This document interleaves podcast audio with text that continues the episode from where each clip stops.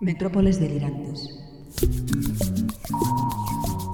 A banda deseñada na radio. Serotonina, serotonina, serotonina, serotonina, serotonina.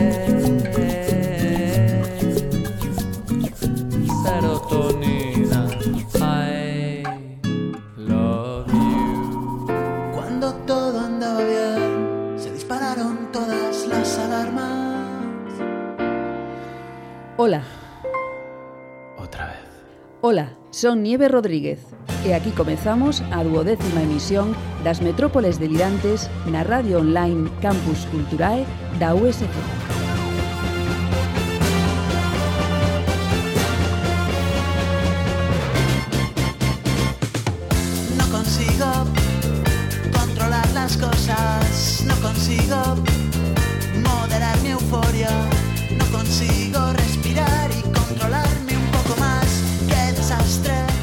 vento lévanos a Ribadeo para falar con Quique Díaz que vende publicar a súa primeira novela gráfica, un libro ambientado en Ribadeo e que leva por título precisamente Nordés.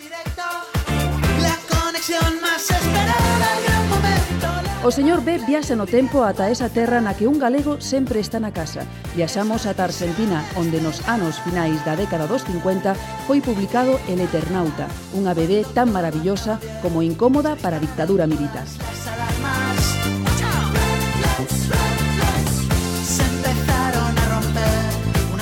E tamén se achegou ata as metrópoles a autora máis de moda no panorama español da BD, un éxito que se reflicte en tres edicións do libro en apenas tres meses. Ana Oncina veu de visita e trouxo croquetas empanadillas. Todo andaba bien, se dispararon todas las alarmas.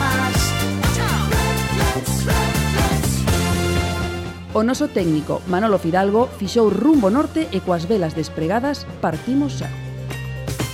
Como quisiera mantener la calma, como quisiera liberar mi espalda de este peso que me aplasta y me comprime el corazón. Sé que resultó cargante y fatigoso, un insulto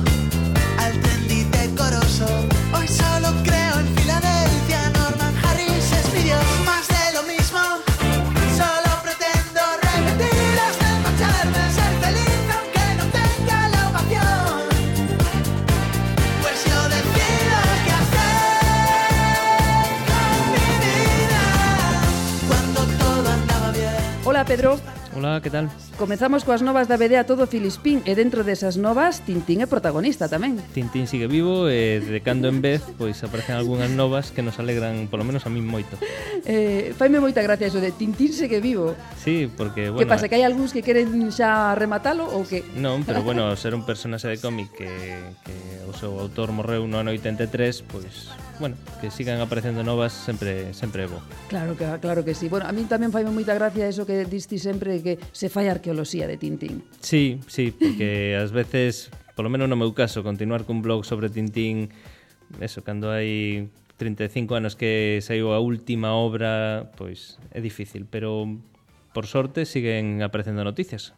Bueno, re, eh, lembramos que a páxina de Pedro Rei é pedrorei.com, o teu blog, non? Sí. É esa. É esa, esa. Bueno, pois todos aqueles amantes de Tintín que queiran estar enteradas das últimas novas, ultimísimas novas sobre este personaxe e estes libros de Hergé, poden facelo en www.pedrorei.com. Aí está. E agora sí, seguimos que as novas a todo Filispín. Os humoristas que deixaron a revista el jueves, tras a retirada a principios de mes dunha portada sobre o rei, publicaron un excelente cómic de despedida ao cidadán Juan Carlos e de benvida ao cidadán Felipe que se chama Orgullo e Satisfacción. O cómic, editado polo de agora exclusivamente en formato digital, ten 75 páxinas e xa está disponible na web dende o 18 de xuño. Pode descargarse por un mínimo de un euro e medio, aínda que podese pagar unha cantidade maior. Nas primeiras 24 horas acadou 22.000 descargas cargas. Xunto a Fondevila participan os debuxantes Albert Monteis, Guillermo, Bernardo Vergara e Manuel Bartual, entre outros, todos relacionados ca anterior etapa del jueves. Un ano máis vai ter lugar a celebración das xornadas sobre Tintín no Priorato de San Morís na cidade francesa de Saint-Lys. Do 3 ao 6 do vindeiro mes de xullo, esta pequena localidade gala convertirase no epicentro do mundo tintinófilo. Haberá conferencias, exposicións, animacións e un mercadillo de coleccionistas. Neste evento estará presente Jean-Pierre Talbot, exactor belga que interpretou ao personaxe de Hergé nas delirantes Tintín e el misterio del toisón de oro e Tintín e las naranjas azules. Tamén adiantamos a nova da apertura dun Tintin Shop en Barcelona, Esta tenda vai ser un espazo de dúas plantas na travesera de Gracia, que ademais de ter tenda, albergará un espazo museístico, así como un punto de encontro pensado para todos os apaixoados de Tintín anunciouse que o derradeiro volume do manga de Neon Genesis Evangelion saldrá á venda simultaneamente en 18 países o vindeiro 20 de novembro. Entre eles atopase España. Eiki será norma editorial a encargada de editar a obra. Este derradeiro tomo incluirá 28 páxinas inéditas, ademais de contar cunha edición especial no seu país de orixen con sus libros, unha portada exclusiva, un libreto de 16 páxinas, ilustracións especiais e un CD con cancións que o autor escoitaba na mentras debuxaba o manga.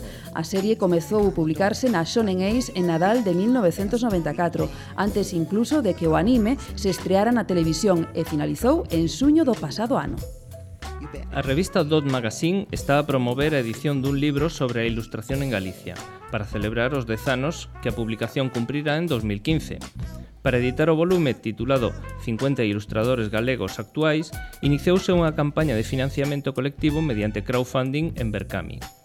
Artistas xa consagrados e ilustradores emerxentes daránse cita neste libro, no que serán presentados un a un cunha breve descripción sobre o seu traballo e unha mostra de aproximadamente seis imaxes das súas obras nunha publicación de máis de 200 páxinas a cor. Radio Campus Culturae. Unha iniciativa da Universidade de Santiago de Compostela cofinanciada pola Xencia da Cultura da Unión Europea. metrópolesdelirantes.com Nas metrópoles gozamos moito cando nos veñen facer unha visita a autores noveis da BD como a Quique Díaz, que chega dende Ribadeo e vende publicar o seu primeiro traballo, Nordés. Quique, Benvido, grazas por achegarte e traernos a túa primeira obra recén saída do prelo.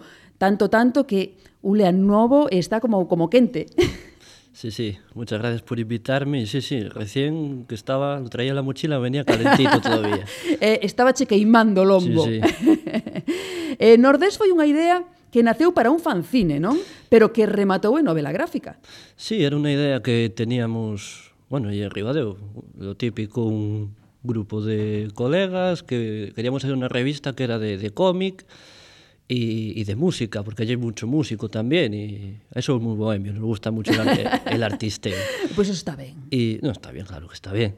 Y teníamos pensado hacer eso, pero bueno, luego por unas cosas o por otras, la cosa quedó parada como digo en la introducción, se fue, Nordés se fue al cajón de los proyectos inacabados y luego por cosas de la crisis, yo, bueno, pues no tengo otra cosa que hacer y voy a sacar este proyecto adelante y a ver si me puedo dedicar a lo que, a lo que a mí me gusta. Uh -huh. Bueno, eh, ¿qué contas en Nordes? Quique? Bueno, conto dos cosas principalmente. Una cosa es eh, los últimos días de la vida del marqués de Sargadelos y era el propietario de los hornos que fabricaban armas para la marina en ese momento. fue acusado afrancesado por el pueblo, por la nobleza por, eh, y por la iglesia. Y murió apedreado y, la, según leyendas, cuenta que arrastraron por el pueblo con caballos. Y bueno, una... Una desfeita. Una desfeita. y la otra parte de la historia cuenta le, de, los, lo que le sucede a un chico que se llama Brandán, que vuelve a Ribadeo después de, de años de ausencia, en busca de no se sabe qué, de, su, de sucesos extraños que suceden cuando sopla el viento de Nordés. Uh -huh. E aí o deixamos. E aí o dejamos. Sí, para que a xente colla, es. compra esta preciosa novela gráfica nordés e chegue eles a, a conclusión e ao final que, que, que, que conta que conta Quique. que Como afrontaches este primeiro traballo no mundo da BD? Porque até o de agora o que viñas facendo era ilustración e caricaturas, non? Sí, prácticamente os típicos encargos que te hacen de del niño de la comunión, de bodas e para la BBC trabajaba, bodas, Ah. bautizos y comuniones. Bueno, eso está dice. muy bien, sí. Y, y poco más, a ver, el típico que había hecho mis dos paginitas por aquí, mis dos paginitas por allá, pero la vida había pensado, ni siquiera cuando tenía la historia pensada para el fanzine, eh, hacer una historia tan larga y meterme a saco con algo así, pues no lo tenía pensado, pero fue tomando poco a poco forma la historia e para adelante. Pero bueno, foi un ano de traballo, de traballo arduo, e que seguramente pasaches por momentos tamén de dúbidas, sí. de incertidumes, non como foi? Pois pues foi extraño, porque sou unha persona que non soy nada consistente a la hora de trabajar, me disperso muchísimo, me cuesta horrores. Pero bueno, eh, tuve la suerte de ter gente a mi lado que decía, levanta la cabeza y tira para adelante, que esto tiene muy buena pinta, y, y no me queda otra tampoco si te quieres dedicar a lo que te gusta, tienes que pelear, pero ya non en el cómic, sino en todo, e, e tirar para adelante. De sempre tiveche claro que te querías dedicar ao mundo do cómic, e de pregunto isto porque esta é a, primeira, a túa primeira obra longa. Sí, yo desde pequeño tuve el cómic debajo del brazo, de hecho las dedicatorias, Lo primero que le agradezco a mi madre es por no haberme tirado los desastres que tenía yo por ahí de cómics y de libros tirados. Entonces, que fue algo muy importante. Pero sí, yo es que desde siempre me sentaba delante de la televisión y en vez de ver los dibujos animados me dedicaba a copiarlos directamente de la televisión. No concebía otra cosa que no fuera dibujar. Bueno, este Nordés eh, é un cómic que bebe da historia de Ribadeo. Sí. Galicia ten historias da bonda para argumentos de novela gráfica, non? Se algo tiene Galicia son historias. Y yo siempre digo que me llama la atención en los libros que incluso se hacen aquí, que parece que las cosas interesantes solo pasan en Estados Unidos o en... y no sé por qué, estamos muy americanizados o... Es este mundo global, globalizado, ¿no? Sí, pero global se entiende que es de todos. Sí, y sí, no pero- solo- Y si algo tiene Galicia, yo no digo España o Europa, Galicia, es historia, historia interesante como contar. que unha das cosas máis interesantes é como cuentas esas historias, pero historia aí de sobra. Pero o que che dicía antes, non neste mundo globalizado tenes a crear historias que poden acontecer en calqueira sitio, que dices ti en Estados Unidos, en China, en Japón, e logo hai autores que escriben historias que só poden acontecer aquí. É o caso de Miguel Anxo Prado e é o, o teu caso agora eh, contando, narrando unha historia que acontece en Ribadeo, o Nordés. Estamos acudindo os complexos? Ti pensas que a xente aquí en Galicia estás empezando a, a concienciar de que realmente é así? De que aquí temos historia de abondo para crear?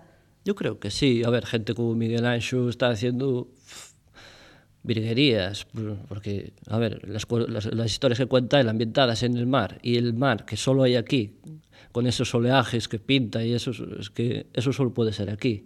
Yo creo que estamos quitando los complejos en el sentido de que, no digo ya en las historias, sino los autores a la hora de contar historias. Parecía que antes solo podíamos contar historias de humor, tipo Mortadelo y Filemón, con todo el respeto, que, sí. que es, tiene su estilo y su momento. Pero nos estamos quitando un poco la chaqueta esta que nos pesa tanto de solo humorístico o solo... Tratar solamente certos temas, non? Claro, y yo creo que con el cómic, si algo bueno que tienes que se puede contar cualquier cosa. Como decía antes, depende cómo lo cuentes. Para contar esta historia, canto tempo estiveches documentándote? Foi difícil?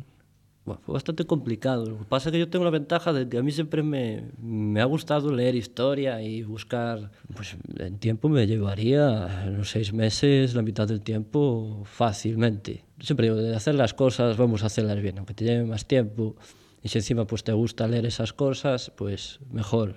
Me quise interesar en la época desde la vestimenta hasta cómo estaban las calles de Ribadeo en ese momento, porque precisamente eh, la Torre de los Moreno, que es la, torre que sale en portada, en la época del Marqués de Sargadelos no existía. Y fue eso más, quizá lo que me dio más trabajo. Pero bueno, yo encantado porque me gusta leer esas cosas y es una historia muy interesante. Na obra falas da, da portada e, e esa torre, pero na contraportada temos cerámica de Sargadelos, e hai moitas referencias incluso dentro a, a, a esa cerámica de Sargadelos, pero tamén é certo que a figura do que diste o Marqués de Sargadelos e a historia que hai en torno a esa fábrica dan para outra novela. Para outra ou, unha serie, porque ese señor, bueno, es que foi un precursor en su tempo, No sé si fue bueno o malo, como digo yo en la obra, no. Encima la historia tampoco te lo deja muy claro, pero bueno, en su día fue, fue un genio de las finanzas sin tener estudios y, claro, da- toda esta gente, y sobre todo en aquella época, porque ahora es más fácil todo. Y en aquella época tener eh, el valor de hacer X cosas y de aquella manera, pues sí, sí, es da para una serie de televisión, yo creo. La vida de que, no, Pois bueno, pois pues, plantexa, sabes, eh? sí, sabes. sí, non? Eh, de, apúntao, deixo sí, nese sí. caixón que tes ti para os teus proxectos, e eh, a mellor un ano destes dices ti, ah, vou a, a retomar outra vez a figura de Salgadelos e ao mellor vemos unha serie de ficción a ver, a ver. dentro de pouco. bueno, falemos agora do aspecto formal da obra e comecemos polo debuso. Sinxeleza, economía de trazo, eu vexo influencias do manga e o noso parecer tamén de Rubín, non? Sí, a ese Rubín del Circo del Desaliento, a ese Rubín de la tetería del oso malayo. ¿Estamos desencaminados ou? No, para nada. Eu sei algo, tengo referencias de los autores cercanos. Y uno de ellos es Rubín, seguro, y otro Miguel Ángel, aunque quizá en, en el trazo no se note tanto. De hecho, yo al principio tenía pensado utilizar el papel que utiliza Miguel Ángel, que es el papel cansón tintado este que utiliza tan clásico de él, que... y tenía el lápiz completo de la obra hecho en ese papel. Y dije, Dios, esto cuando acabe, que si sigo por este camino lo voy a acabar dentro de cinco años, y, Y esto lo hace Miguel Ángel solamente. y además va a quedar no muy parecido, Dios me libre y salve las distancias, pero es su estilo. Sí. Entonces me guardé eso y utilicé esos lápices y volví a empezar de cero, cosa que me vino bien porque pulí errores que tenía y tal, pero siempre lo que no se puede negar son las influencias que tengo. Uh -huh. Decías ti antes, non? E dice, eu nacín co manga. Eu son desa xeneración que... Generación Dragon Ball. E logo tamén me falabas dun, dun dibuixante sudamericano, non? Ah, Sí, de Humberto Ramos, que es el que actualmente dibuja a Spider-Man. Y sí, no sigo ahora mucho el mercado americano, pero siempre me, me llamó la- el trazo, la atención el trazo de, de esta gente. Hay algún otro dibujante mexicano que tiene un estilo parecido y no sé qué tiene, medio Disney, medio Amerimanga que le llaman. Me gusta, no sé, tiene su... Bueno, en canto a core e a estructura hai unha experimentación nesta linguaxe, porque cando contas lembranzas os cadriños son redondeados, nos restos son cadrados, e no capítulo 5 aí cando ven xa o desenlace é como todo máis caótico, non? Quixeches experimentar neso? Más que experimentar, porque yo no invento nada, está todo hecho. Buscaba que la gente que no está acostumbrada a leer cómic ou te que sintiera cosas o, o lo que yo quería decir con la historia que lo sintiera más fuerte, que no le hiciera falta mucho texto ni, ni, mucha historia para entenderlo. Entonces ahí jugué un poco con el tema de las texturas de color para dar ambiente, la forma de las viñetas. Uh -huh. Decides o libro, tes o tema, tes os debusos e a hora de sacalo adiante autoedición. Eso foi unha teima, foi necesidade, fruto da de desesperación, que pasou aí? desesperación, no, pero de decir, me cago en día, ¿cómo voy a sacar isto adelante e tal. No, yo en principio, a ver, lo, lo ideal sería ir a una editorial que te lo edite y, y para adelante. No lo hice... Eh, hombre, si lo sacas autoeditado, te llevas tú más tajada. Eso tamén é certo, eh? Eso está eh, claro. Eso está claro porque mm. estivemos vendo tamén as cifras do que se leva o autor, do que se leva a editorial, a distribuidora, os libreiros, e o autor vos sodes os máis pringaos. Sí. Que más trabaja y el que menos se lleva. Si te llevas un 10%, dale gracias al cielo. Pero bueno, al principio no lo hice por eso, eso me enteré con el tiempo. Yo, mira, me salió bien. Pero la idea era, a ver, ir a una editorial que te lo publique.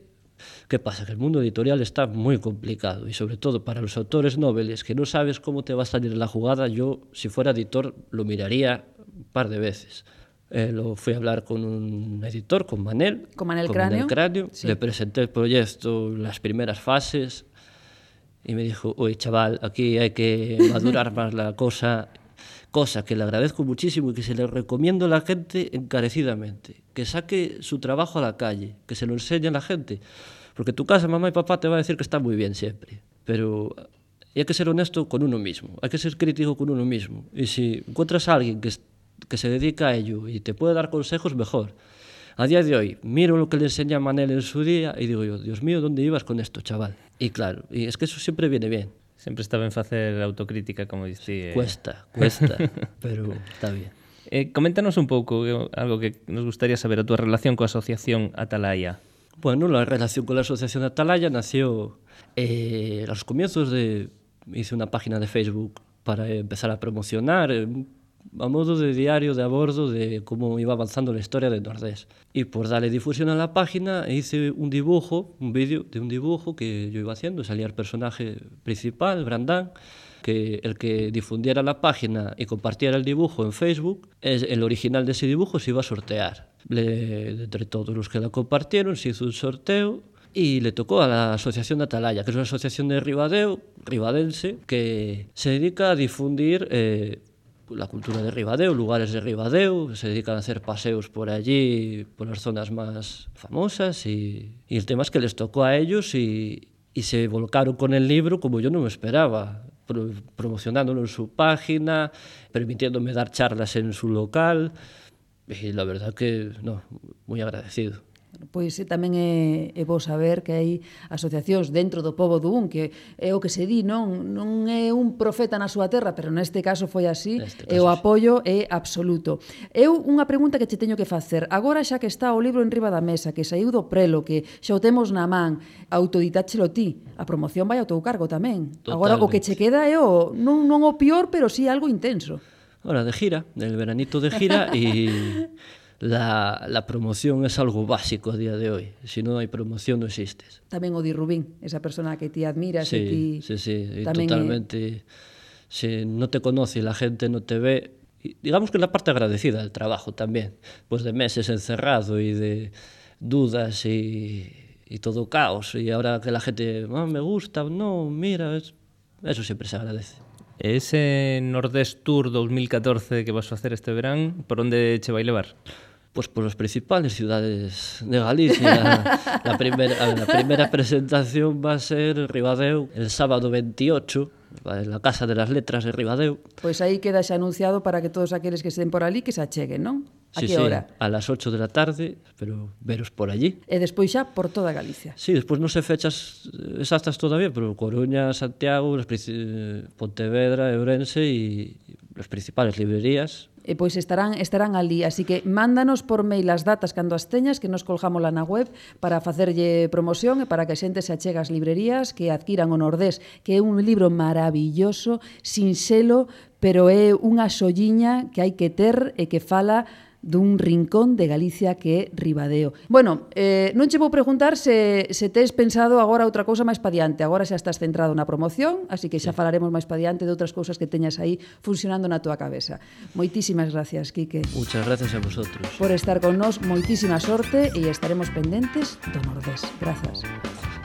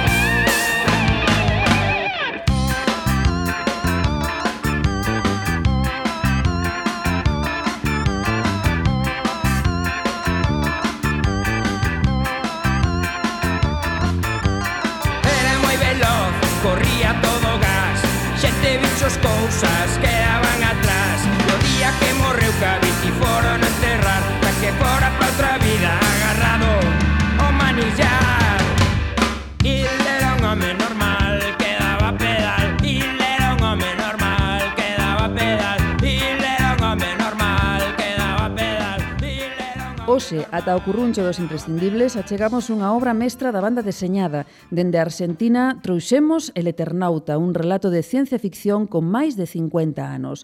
Se escoitan chasquexar unha cadeira no medio da noite, non amedoñen. So presten atención, pode ser un viaxeiro do tempo ou o señor B disposto a contarlles unha aventura apocalíptica.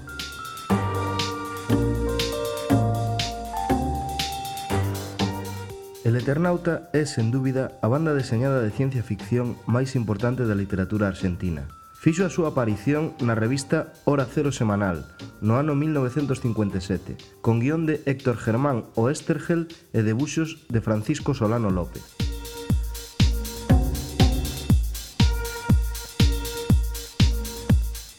Ten un original argumento que conta unha historia que soubo embellecer ben. Tanto é así que asemella que podería pasar en calqueira momento. E de pronto... Iso era como si alguien estuviera sentándose en la silla que está enfrente de mi escritorio. Sorprendido, empecé a ver en esa silla un cuerpo humano que fue materializándose poco a poco.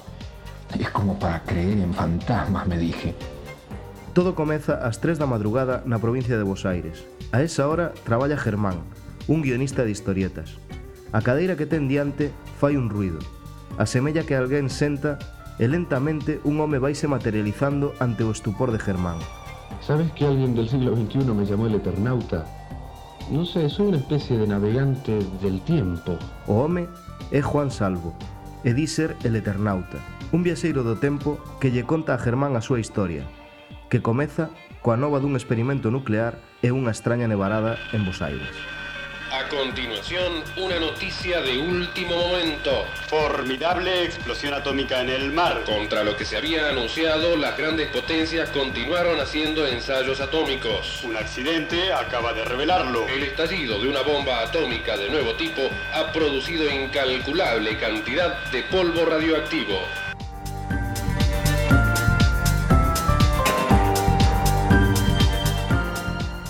Aínda que o punto forte da obra é o guión, non hai que deixar atrás o mérito que ten Solano López en plasmar toda esta mestura de urbana realidade porteña con fantasía, incorporando na historia a cidade de Bos Aires e uns personaxes que reflicten o drama e a desesperación da historia.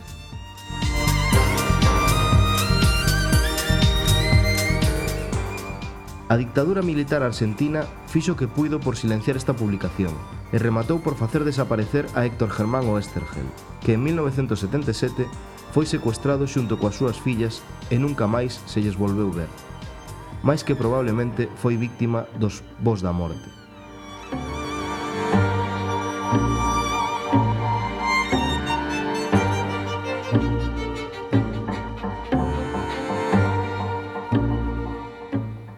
que as derradeiras páxinas de El Eternauta, o Estergel, xa na clandestinidade, dictáballas o seu editor dende unha cabina telefónica.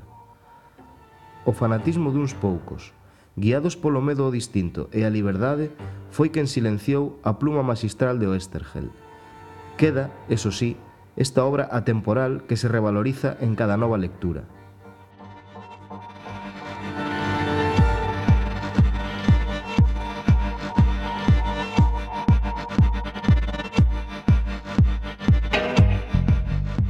E rematamos con esta pregunta do protagonista Juan Salvo. ¿Quiénes son ellos, mano? Ellos son el odio, el odio cósmico.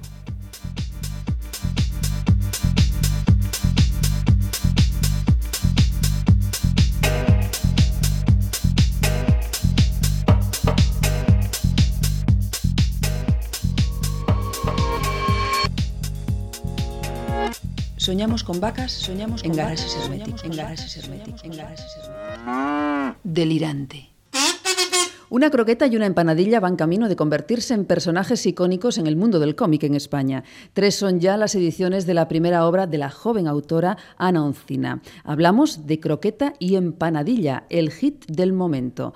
Ana Oncina, bienvenida a las metrópoles, gracias y por supuesto bienvenida a Galicia. Estás de gira, firmando y promocionando tu libro ayer en Pontevedra, hoy en Santiago y mañana en Vigo. ¿Cómo está yendo? Pues muy bien, de momento muy contenta. Ujú. Bueno, has llegado a Galicia con el sol radiante. ¿Te esperabas esto? No, no me esperaba esto. Yo quería huir un, huir un poco del sol de Valencia y vengo aquí y me encuentro lo mismo. Pero bueno, el O calor, peor. Verá, el calor no es tan agobiante que en el Mediterráneo. Mm, No sé qué decirte, ¿eh? Bueno. Yo estoy pasando bastante calor aquí. Estamos buscando sombras siempre. Eso es porque no te lo esperabas. No. ¿eh? No te lo esperabas. Bueno, también está en la mesa con nosotros en la entrevista, está Natalia Mosquera, editora de Ediciones La Cúpula. Hola. Hola. Hola, ¿qué tal? Después hablaremos contigo. Y como siempre, pues, Pedro, aquí estamos, otra vez en las metrópoles y con Ana. Con ellas dos. Eh, Efectivamente. Bueno, como decíamos, la gira todo un éxito, está yendo todo estupendamente. Supongo que habrá sido una sorpresa muy grata esas tres ediciones, la, la repercusión y las ventas, ¿no? Hombre, para mí ha sido toda una sorpresa. Aparte de que he llegado aquí nueva y no me esperaba que hubiese tanta acogida por parte de- del público, pues estoy aunque no me lo creo. Y tercera edición, yo cada vez que, que me dicen, mira, que van a sacar otra edición, yo, no, vamos, monto una fiesta con mis amigos. Pocos autores ahora mismo en el panorama del cómic español están sacando tantas ediciones. Eh, Paco Roca, Zapico acaba de sacar la cuarta, eh, así que estás eh, en una nube, ¿no? Sí, a ver si tengo tanta suerte como Paco Roca, que cada vez que lo veo, vamos, triunfa. Tiene ahí, vamos, levanta pasiones por donde va. Bueno, eso esperamos también todos nosotros, ¿eh? que por lo menos esta carrera que ha comenzado tan fulgurante, que siga así, y por muchos, por muchos años, porque el mundo del cómic no es fácil, ¿verdad? Mm, No, yo la verdad es que no, no me lo esperaba. Y tenía un poco ya, pues, la ilusión de dedicarme al cómic un poco apartada. Pero bueno, parece que, que es posible, ¿no? Eh, Se puede, hay que luchar por ello. Bueno, todo comienza en un viaje juntos, tomando apuntes de lo vivido y acaba, como todos sabemos, en este libro, ¿no? Cuéntanos. Pues surge de un, de un viaje que hicimos el año pasado a Berlín y bueno, pues viendo museos, yo ya estaba muy cansada de ver los museos y vino mi novio y me dijo, estás empanada. Y yo le dije, pues si yo soy una empanada, tú eres una croqueta. Y nos hizo gracia y empezamos a, pues, a hablar de ello, ¿no? Y como el viaje fue un desastre total, pero total, pues al final lo, lo hice en cómic y ahí, pues para adelante, a seguir haciendo nuestras tonterías, nuestras historias y, y mira, de lo que parecía que era algo nuestro, parece que a la gente pues le interesa y, Y se ha identificado y se con ello. Sí. Pero cuando un autor novel empieza, como, como es tu caso, el obstáculo más grande que tiene que sortear es llegar a una editorial y, y que le publiquen la obra. ¿Cómo fue tu caso? Mi caso fue bastante fácil, por decirlo de alguna forma, porque yo en realidad no apostaba por esto, como ya he dicho, era algo muy personal y, y creía que a la gente no le iba a interesar. Entonces digo, bueno, pues algo nuestro y, y que lo paso bien haciéndolo y me resulta fácil. Pero bueno, una vez que, que él me presionaba y me presionaba, envíalo, envíalo, que esto funciona, pues una vez que me animé, vamos, fue al día siguiente, es que no me lo creía. De que no tuviste que esperar nada. Claro, yo era como, bueno, pues a seguir con mi vida. Y bueno, me llamaron y genial, vamos, que no me lo creía y no me lo acabo de creer. Bueno, eh, entrando ya un poco en materia, el, aspecto formal de, la obra eh, se basa en un dibujo sencillo, colores planos. Eh, has jugado eh, con el menos es más, algo muy minimalista en, la historia. ¿Esta sencillez es donde reside el éxito de la obra? Pues no sabría decir si es en la, senci- en la sencillez, pero bueno, yo pienso que también he optado por esto porque son unos personajes, no sé, por decirlo así, como una crota en una panalla, no los veo pues algo muy serio o muy detallado. Y no sé, veo este estilo, pues me gusta como quedaba, ¿no? De hecho, realicé bastantes bocetos y, y opté por, por este humor porque en realidad también lo que enseñaba es lo que me decían, ¿no? Ay, pues así queda muy bien y funciona muy bien. Y así tiré para adelante. Al principio, pues yo siempre he sido más manual, lo hacía en acuarela y en tinta china, pero bueno, ha ido evolucionando y, y al final acabó como un proyecto en digital. Pero... Yo supongo que también desde la editorial te habrán dado unos consejos, Sí, ¿no? Sí. Bueno, eso yo lo envié lo que es en tinta china y acuarela. Y bueno, en realidad ya desde el principio fue. Me dieron el visto bueno, pero mm, ya me hablaron del bicolor, que me enseñaron formatos que habían hecho en bicolor. A mí me gustó mucho esa idea.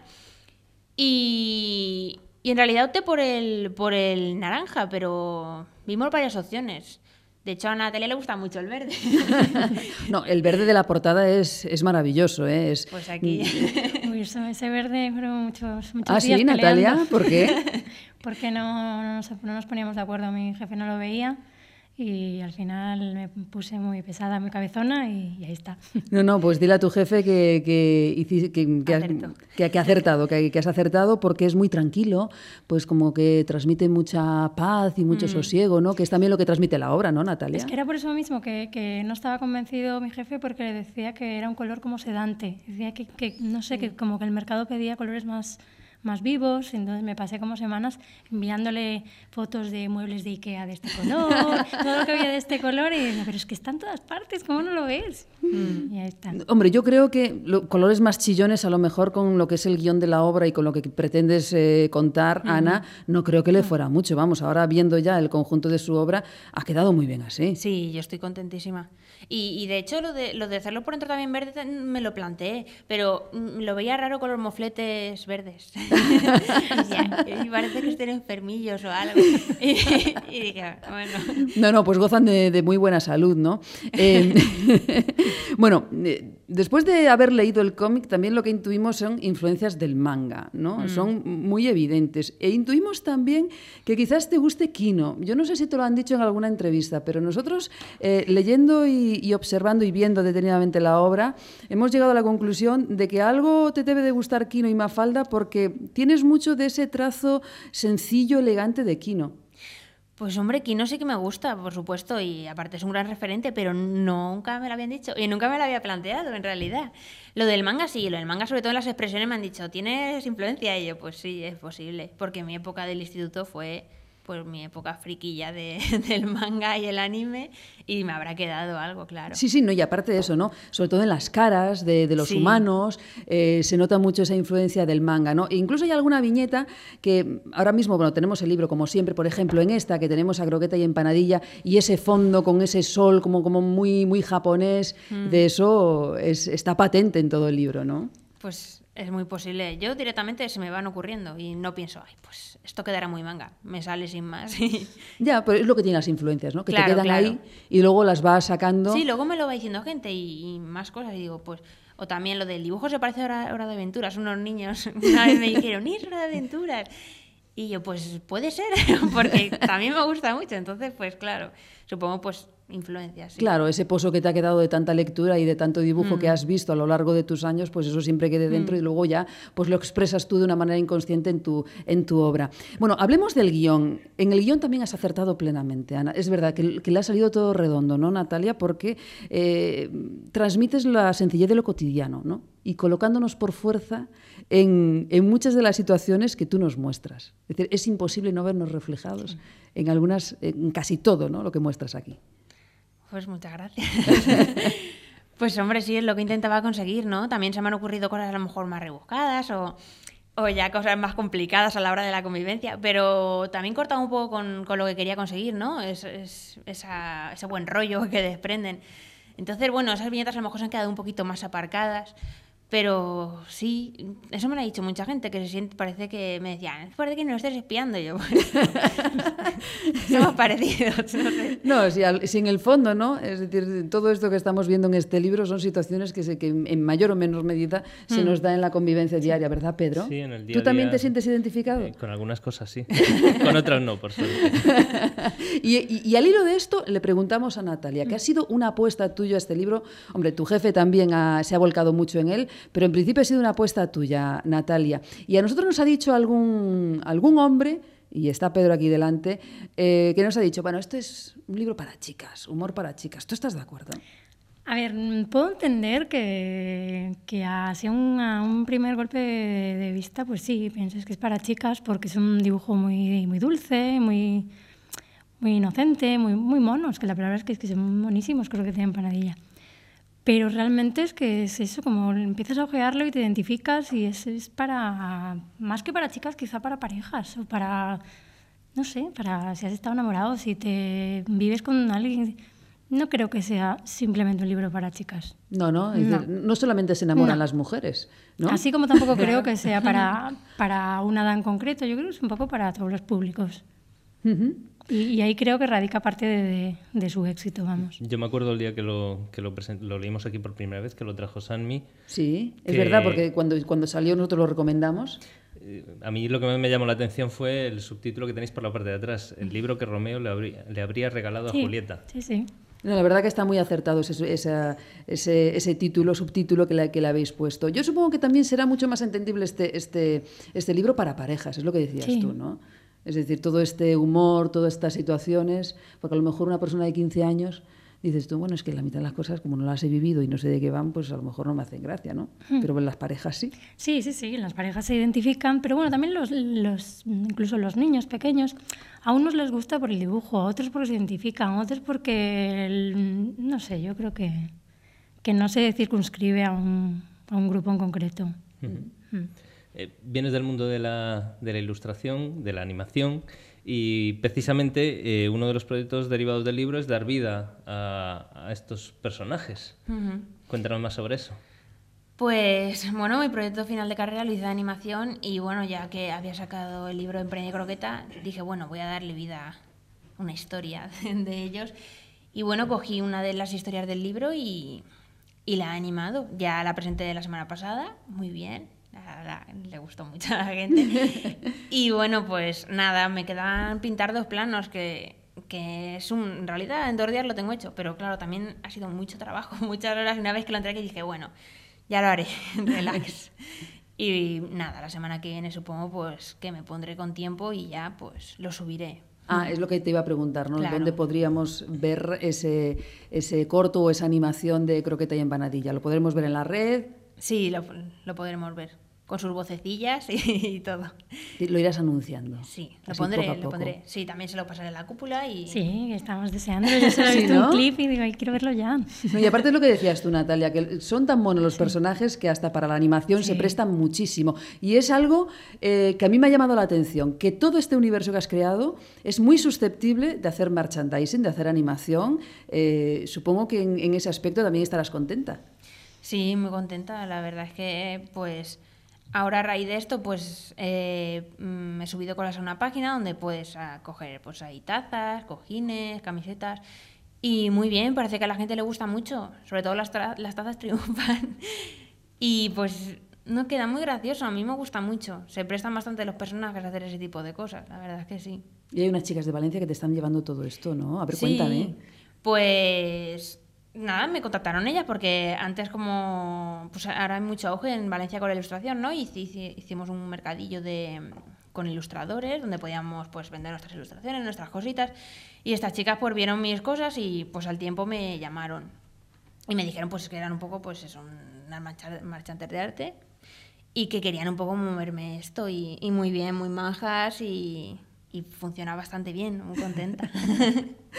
Ay, me, me- contagias tu alegría. De verdad que sí, estoy hablando Sí. con ella, ¿verdad? Es- sí, está es- hasta su madre haciendo muñecos de croqueta y empanadilla también, está toda la familia súper implicada. Le has, dado, le has dado trabajo a tu familia. Sí, sí. Y se me Eso es ser ocurrió- emprendedor, emprendedor. ¿eh? Yo le dije, ay, se me ha ocurrido, podíamos hacerlos. Y pues en Semana Santa se puso ahí la mujer y, oye, pues hay gente que, que los quería, oye, que cuánto valen. Y yo, no, pues si es que se lo he ido. No, pero tú espérate que voy a poner a mi familia a funcionar y ya verás como dentro de poco tenemos una producción eh, masiva aquí. Pues me alegro, me alegro mucho. Mira, habrá una segunda parte. Vamos a meterle miedo en el cuerpo a, a Croqueta. ¿eh? Eh, ¿Se contarán las peripecias de Croqueta y empanadilla, por ejemplo, haciendo los preparativos de la boda? Uf, no, de momento no. No, no, de momento no. Pues hombre, la segunda parte estamos trabajando, sí, ahora ya que, que ya he acabado la carrera, ya que estoy liberada, pues me estoy poniendo con ello. Pero no lo de la boda, y si se reflejan de momento nuestras experiencias, no lo veo para nada. No, por eso decía yo lo de meterle el, el cuerpo, el miedo en el cuerpo a, a Croqueta, ¿no? Y pues ya no digo nada de hijos, de... Mm, ¡Uh! No. De todos modos, yo creo que él aún se lo plantearía más que yo, yo soy más de... No. Empanadilla y punto. Bueno, pues habrá segunda parte. Estáis trabajando en ello, ¿no? Sí. Sí. Mm. Bueno, no sabemos para cuándo, Natalia. No, a ver, nuestra idea sería que ya de cara al año que viene, pues hacia abril, así poder pillar un poco San Jordi o antes del Salón del Cómic, pero con calma. Bueno, ¿hay vida más allá de croqueta y empanadilla? ¿Te has planteado o estás sumergida en toda esta vorágine y no te has parado a pensar en puedo hacer más cosas o tengo ya alguna idea que, que quiero desarrollar? Pues sí, la verdad es que sí he pensado en una idea. Ahora, pues eh, con este tiempo ya, pues viendo que esto funciona y que a lo mejor ahora tengo la oportunidad de poder hacer, pues otro cómic, pues se me ha ocurrido más cosas, con a lo mejor un humor más, más ácido, más serio.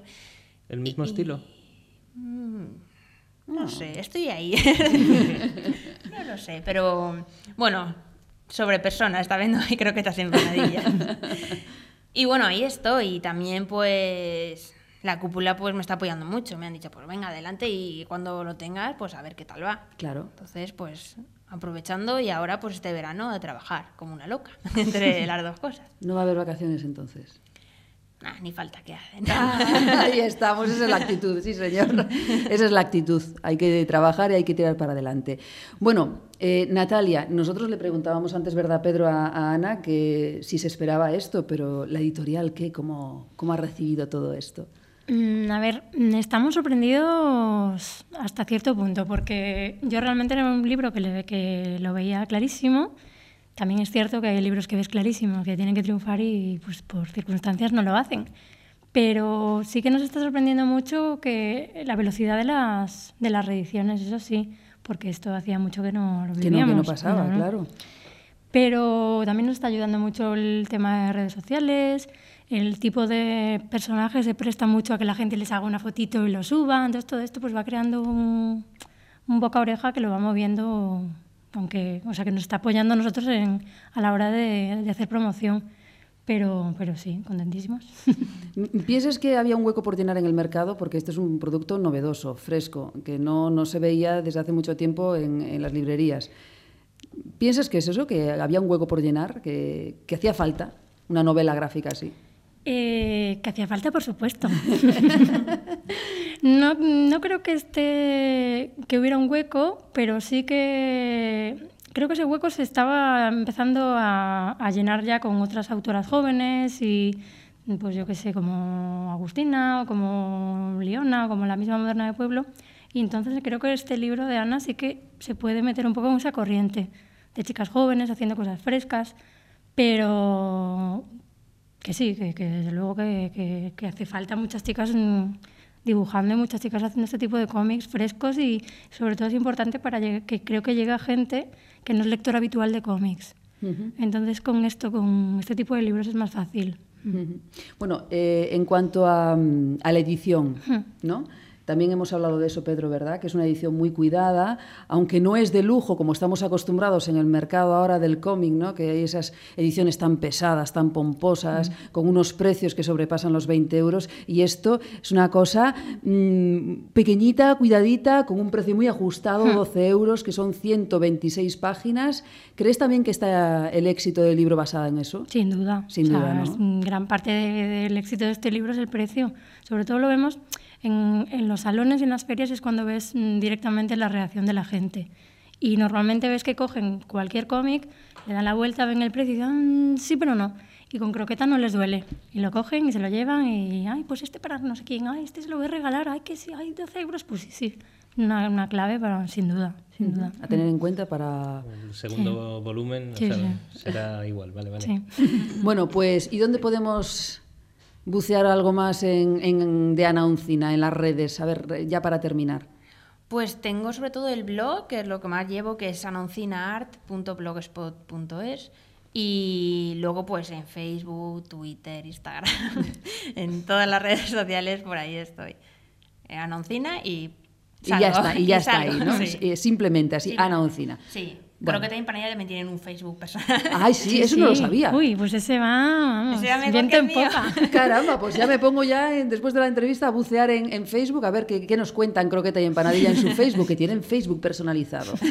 Bueno, pues rapazas, como decimos aquí, ha sido un placer Igualmente. charlar con vosotras. Eh, ya os vamos a dejar porque vais ya directamente a firmar a cómic, así que muchísimas, ganas, muchísimas gracias, Ana. Gracias, Natalia, que no sea la última vez que os veamos por Alicia. Y Pedro, muchas gracias también. ¿no? Gracias y os esperamos cuando saquéis el, el siguiente. Aquí vendremos, sí, sí. Muchísimas gracias. gracias. gracias.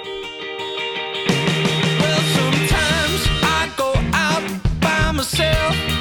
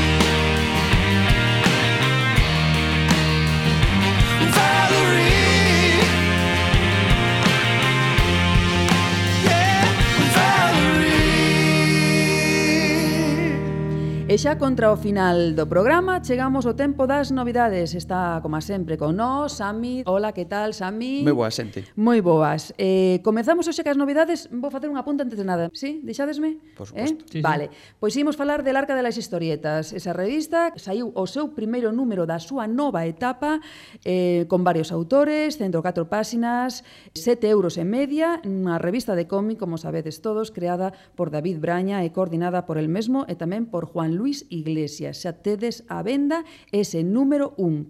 E agora si, sí, Sami, comezamos. Bueno, pois pues vamos a empezar por eh, porque los osos deberían de llevar calzoncillos. Uh -huh. Ten un, un título moi suxerente eh, no cal atopamos pois, un recopilatorio de, dunha web que de, do autor eh, Matthew Inman que bueno, nos, nos ofrece unha peculiar visión do mundo e eh, nos ilustra con un sinfín de útiles consellos para facer eh, productiva a vida do lector. Non? Uh -huh. A verdade é que é un autor que xa este publicado en en Astiberri, eh, como saber si tu gato planea matarte, e mi perro, esa paradoja. Bueno, un autor que, como ben decía Sami, publicaba ese como saber si tu gato planea matarte, que conta xa con tres edicións. Un autor que vende moitísimo, e aí están ese recopilatorio de, de tiras. Bueno, e xa para rematar, imos eh, recomendar unha, unha obra que teño por aquí que se chama The Cartonis, edicións de Ponén, con guión de Paco Hernández, que tuvemos o gusto de entrevistalo aquí nas metrópoles delirantes e debuxos de Daniel Cardiel, a historia de Jacob Simons, eh, unha homenaxe ao traballo de Eisner. Pois aquí o deixamos, eh? as novidades desta semana que nos trae, como sempre, como cada 15 días, as metrópoles delirantes, Sammy de Alita Comics. Porque yo he venido aquí a hablar de mi libro. Habitamos metrópoles delirantes. E despois do paseo con Quique Díaz por Ribadeo, falando de Nordés e de confirmar que a BD Galega segue a producir obras e talento a esgalla, apuntamos na lista do señor B o Eternauta, unha obra que, como o seu protagonista, viaxa polo tempo sen embellecer. Pasamos un ratiño ben divertido con Ana Oncina e Natalia Mosquera falando de croqueta e empanadilla, o libro que sorprendeu a todos co seu éxito de vendas. Podedes chearnos no Twitter en arroba metrópolesd ou dar unha voltiña pola nosa web metrópolesdelirantes.com. Aí tendes máis novas da banda deseñada. Voltamos en 15 días con máis libros de banda deseñada e con máis música. E lembrade, nestes tempos de idealización do medieval, lede banda deseñada – que a literatura fai máis levadeira a vida real. Metrópoles delirantes. A banda de